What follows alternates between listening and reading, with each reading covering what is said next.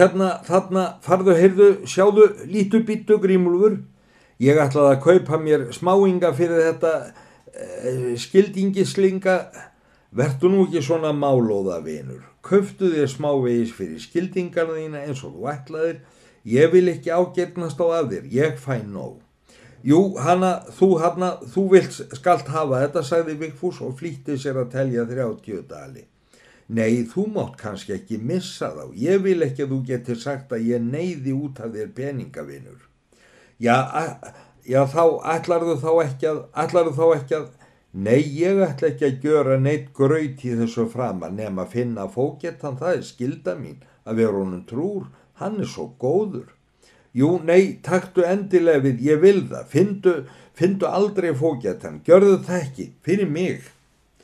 Því lofa ég þér og það sem ég lofa endi ég æfinlega og vertu nú blessaður og sælvinur. Ef mér liggur lítilæði á þá leita ég til þín heldur en annara. Ég er allatíð tryggur, það sem ég tek því og vertu nú æfinlega sæl. Ég held ég sé búin að flækjast nógu lengi.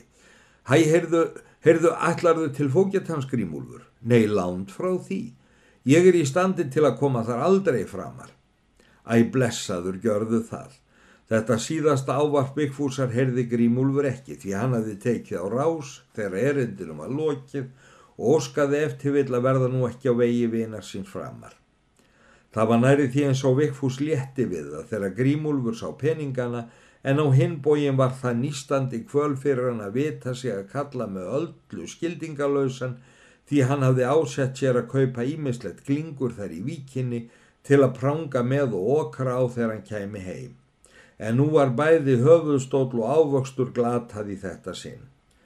Honum var því allt í einu lífið í Reykjavík svo leitt að hann vann þeirri stund feignastur en hann kæmist aðan. Maður hétt Guðmundur.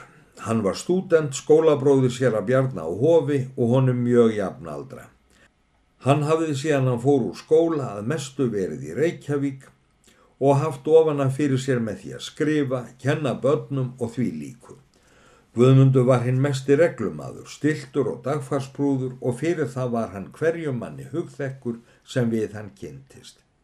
Honum hafði sér að Bjarni falið á hendur að sækja fyrir sig um brauðið í dal og fylgdi hann því vel eftir sem und var.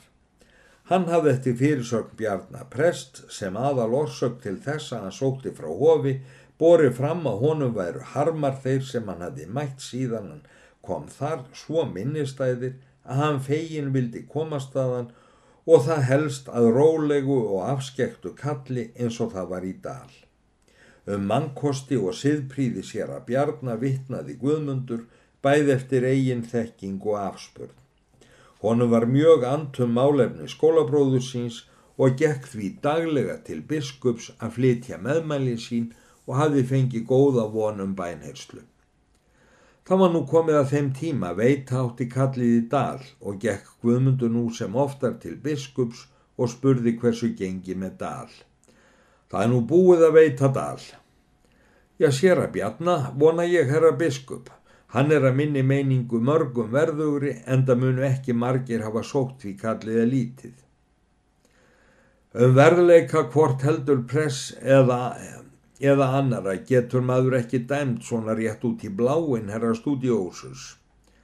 Það er meira en satt en er sér að bjarni þá ekki veittur dalur með leiði að spyrja. Nei, dalur er veittur öðrum og má ég spyrja hverjum veitt er?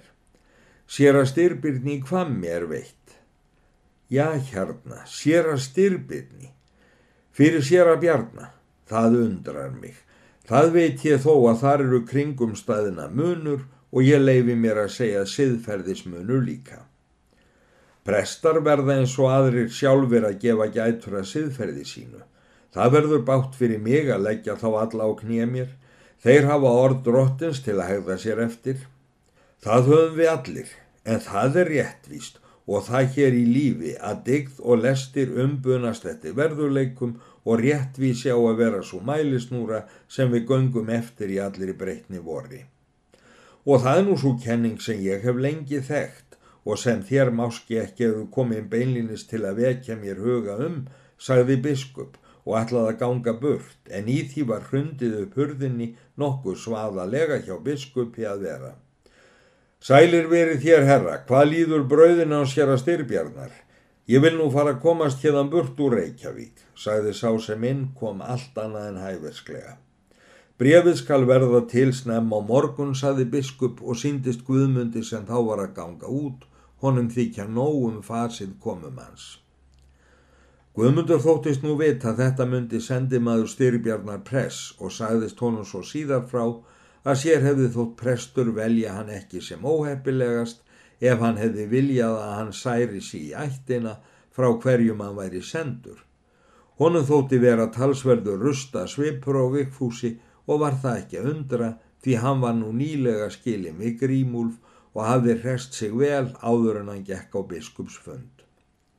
Guðmundur hafði gaman af og að hafa tal af sendimanni til að vita hvort hann væri jæfn kurteis í viðtali og framgöngu og duldist því einhver starf þar sem hann gætt séð hann þegar hann kæmi út á þess að verða sjálfur séður. Það leiði ekki á löngu, þanga til Vigfús kom út og sveipaðist um í allar áttir eins og hann ætti þar eður þar vona á einhverjum sem vildi gríp hann. Síðan tók hann beinstryk og tilgildaskálans. Guðmundur gekk þangað á eftir honum og var hann þar þó sannarlega nýr gestur. Þegar hann kom inn var Vigfús búin að smegja sér í afkrók en þó gatt nú Guðmundur komist þangað til hans og sá hann mót til þess að Vigfúsi væri ekki um það gefið. Sælir verið hér, ég þykki skilja að þér séu sendimaður sér að styrbjannar. Ég sáiðu niður í hjá þann. Já, víst er ég sendimaður. En hvað um það, saði Vikfús og ætlaði að hafa sig burt. Ætlið er að fara svona strax. Mér langaði til að spyrjiðu fréttað austan. Viljið er ekki sitja ögg lengur og þykja hjá mér eitt glas af punsi. Er yður fógettinn, saði Vikfús og skalvi ónur öttin. Nei, ég hef aldrei fógetti verið og verðvist aldrei. Ég er ekkert nema guðmundur stúdent, sléttur og réttur en ef þér þurfið að finna fókjata, nei, ég finn hann ekki neitt.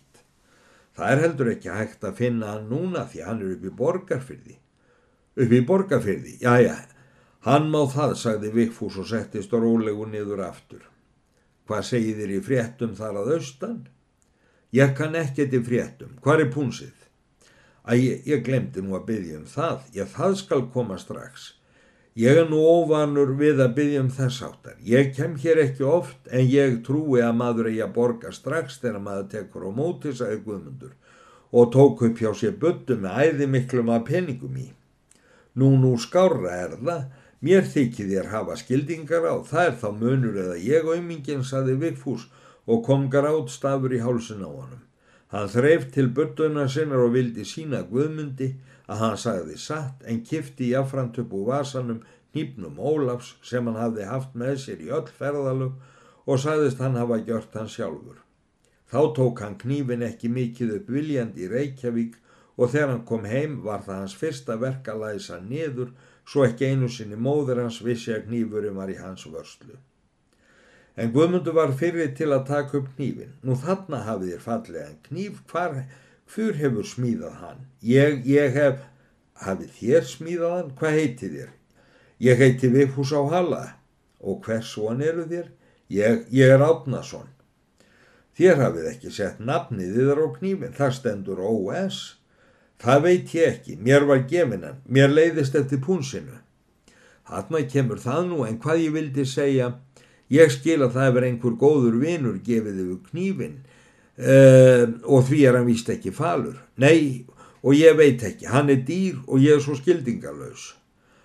Uh, látiði mig nú heyra, mig langar til að kaupa hann. Hann kostar þarna, hann er tí, já, já, hann kostar tíu dali. Ég satt er það, dýr er hann, en það er sama. Ég get það að sönnu ekki borgað hann að veginn ramleik, en ég byrð gestjafan að ljá mér það sem ég vantar. Þegar Guðmundur hafði borga knífin fór hann að nýja að spurja Vigfús frétta. Hvernig líður sér að bjarna mínum? Ég trúi þér sé ekki langt frá því sem hann er. Ég veit ekki og jú, það held ég, ég held honu líði bara vel. Þeir eru annars er þeir aldrei ánægur þessi prestar. Hann einar skrattin spillir það líka öllu. Ég trúi og honum yrði líka óskup um þegar hann misti fóstursson sinn hérna um veturinn. Það hafði verið allra efnilegasti maður, þekktu þér hann ekkert. Þekkti ég hann? Ó nei, víst ekki. Ég sá hann svei mér alla tíma þó, ég, ég, ég má ekki vera að þessu lengur. Ég fer. Guðmundur var búin að heyra nót til að vita hversu skemmtilegu Rikkfús var í samræðum og hindraði því ekkert burt fyrir hans. Honum síndist maðurinn í öllu látæði líkar í flótamanni en ærlegum sendimanni en þá sá það sem var að það kom honum ekki við. Undarleg fannst honum sögn eður réttara vöblur hans um knífin. Það vaktist þá upp fyrir Guðmund að sér að Bjarni hafði skrifað honum heiti fósturssona síns og aftur hitt að nafnið á knífnum átti þar betur heima en hjá Vikfúsi. Hann ásetti sér því að geima hnífin eins og helgan dóm fyrst um sinn og tala ekki um allt það eh, við nokkur mann. Vigfús beð nú ekki bóðan eftir hann hafi fengið í hendur brefi frá biskupi og fannst honum sem hann slipp úr kvalastað þegar hann komst úr Reykjavík. Það segir ekki að ferðum hans fyrir hann kom að kvammi og tók styrbjörn prestur við honum báðum höndum þegar hann við sérindislokin. En Vigfús gati eins og engu af því tekið nema flöskunni.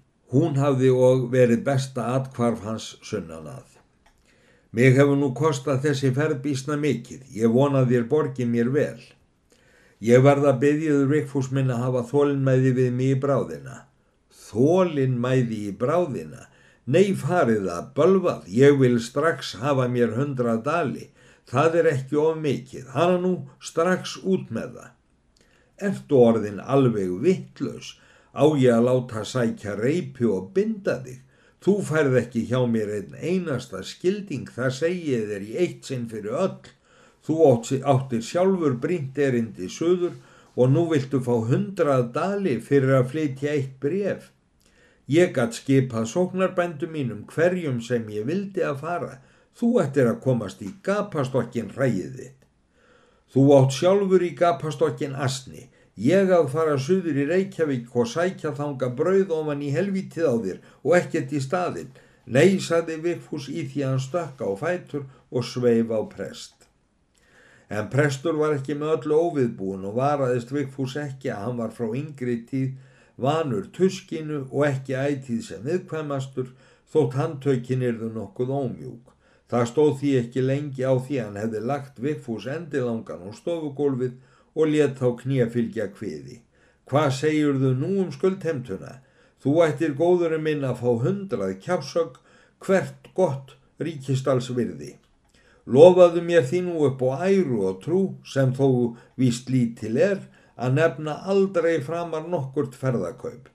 Æjæjæj, ég skal, ég skal kla, klaga þig. Þó þú klægir fyrir öllum yfirvöldum, síslumanni, amtmanni og landfógeta þá þegar að styrbjörn nefndi fógeta óks viðfúsi aflum allan helming. Hann gjörði á sig svo mikinn nikk að prestur hraut langa leið og myndi vist hafa dottið ef þýlið hefði ekki tekið við. Vigfús reist þegar á fætur og hljóp á dyr, tók hest sinn og reið sem hvaðlegast heimað hala. Lítil gleði var á hala þótt Vigfús kemi heim því öll óhöppin sem höfðu mætt honum á ferðinni og afleðingar þeirra vöktu nú fyrir honum. Hann kom snauður aftur heim og hafði þó farið með talsverða peninga sem hann ætlaði sér að ábatast á svo ferðin varð ekki til annars en að færa grímúl við peninga sem Vigfús unni þó manna síst að njóta þeirra. Ofan í kaupið hafði hann fargað nýpnum og jók þá honum mikla áheggju. Þorbjörg var í lítið betra skapi því þennan sama dag gekk hún heima hóli og ætlaði ennað nýju að vitja megarmálana fyrir svonsinn og svaraði Kristín henni fljótt og skorinort að nú er ekki til neins að leita þess framar. Hún hafði sagt Þorbjörg að best væri fyrir hann að senda galdrahíski sitt í einhverja aðra átt. Ef þú ekki hér eftir lætum ég í friði fyrir áleitniðinni, sað hún, skal ég sjá um að yfirvöld verði þess vís að þú hafið mög við galdrafólk og sjáir þá hvernig fer.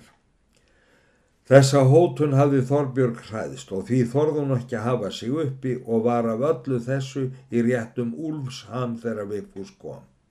Það bætti þá ekki heldur um hvernig hann var ílits því annað tveggja ansaðan en í engu orði eður þá fúlum fúkirðum eða skætingi.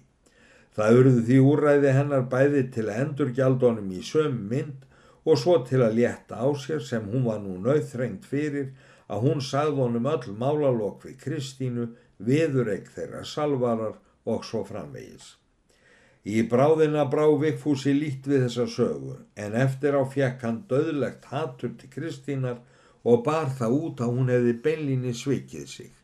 Hann lagðist þá í slark og drekkjuskap með frekju og uppvöðslu og þótti enda viðsjárverður eftir því var að skipta. Af öllu þessu varð Vigfús mjög óvinsæll og varðla var nokkur sá maður sem lagði honum liðsirði.